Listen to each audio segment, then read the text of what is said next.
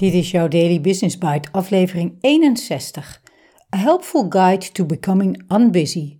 Door Joshua Becker van becomingminimalist.com. En ik ben jouw host, Marja den Braber. Je luistert naar Daily Business Bites met Marja den Braber. Waarin ze voor jou de beste artikelen over persoonlijke ontwikkeling en ondernemen selecteert en voorleest. Elke dag in minder dan 10 minuten.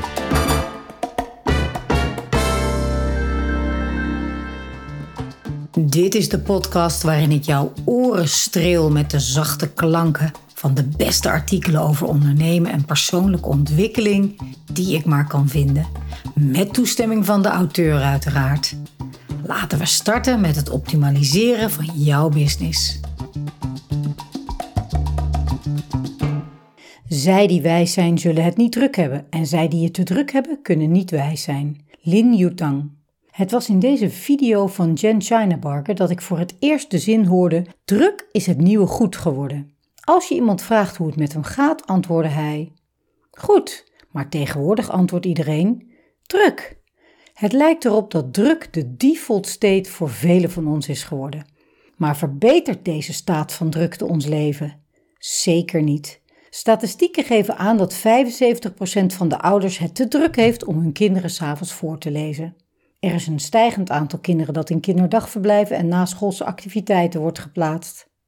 Amerikanen hebben het tegenwoordig moeilijk om de gelegenheid te vinden om op vakantie te gaan. 33% van de Amerikanen leeft dagelijks met extreme stress en bijna 50% van de Amerikanen zegt s'nachts regelmatig wakker te liggen van de stress. Dat is een probleem. We hebben het te druk gekregen. Maar het hoeft niet zo te zijn. Drukte is niet onvermijdelijk. Ieder van ons kan bewuste stappen zetten om ons leven minder druk te maken. Overweeg deze handige gids om niet druk te worden. 1. Realiseer je dat druk zijn een keuze is. Het is een beslissing die we nemen. We worden nooit gedwongen tot een levensstijl van drukte. De eerste en belangrijkste stap om minder druk te worden is simpelweg te beseffen dat onze agenda's door ons worden bepaald. We hebben een keuze in deze kwestie en we hoeven geen druk leven te leiden. 2. Stop de verheerlijking van druk. Druk op zichzelf is geen eremedaille. Sterker nog, als we het op de verkeerde manier aanpakken, is het in feite een beperkende factor voor ons volledige potentieel. Het is oké om niet druk te zijn. Herhaal dit met mij. Het is oké om niet druk te zijn. 3. Waardeer en plan rust. Een van de redenen waarom velen van ons een drukke agenda hebben, is dat we de waarde van rust niet inzien. Maar rust is goed voor ons lichaam, onze geest en onze ziel. Maak één dag per week vrij voor rust en gezin. Plan die bewust in je agenda. Bewaak het dan koste wat kost. 4. Heroverweeg je prioriteiten. Ga doelbewuster om met je prioriteiten en bezigheden in het leven. Bepaal opnieuw wat de belangrijkste bijdragen zijn die je deze wereld kunt bieden. En plan je tijd eerst rond die prioriteiten. Drukte heeft in de kern te maken met misplaatste prioriteiten.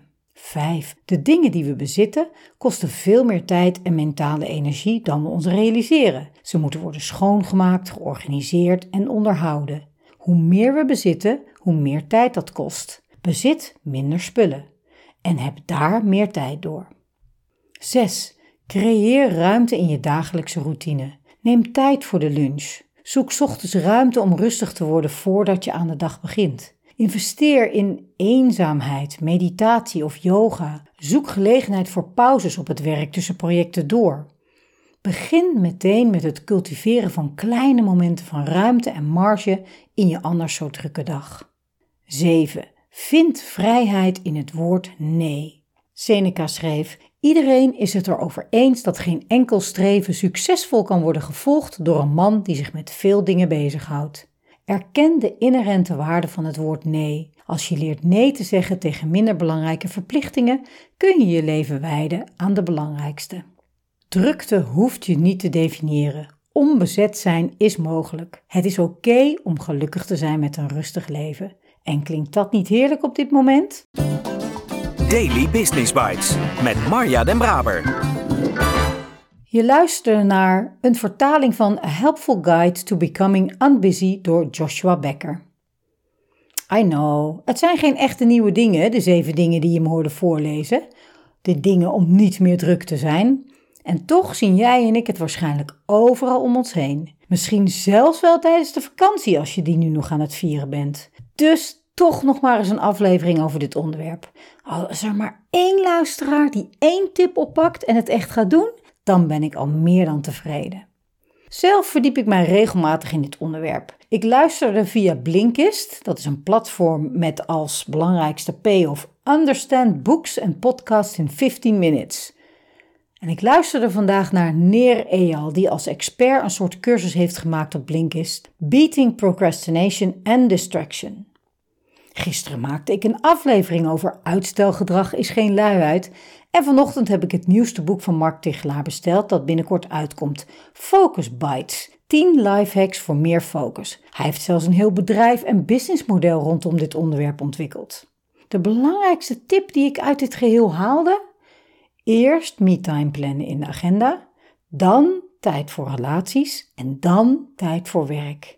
Ik heb het direct in praktijk gebracht met een hele fijne sportsessie met de Octomove stouw en een tafeltje voor twee in een van onze favoriete strandtentjes hier in Albier met muziek vandaan. Beter dan dit wordt het niet. Ik hoop dat dat ook voor jou geldt. En ik spreek je graag morgen.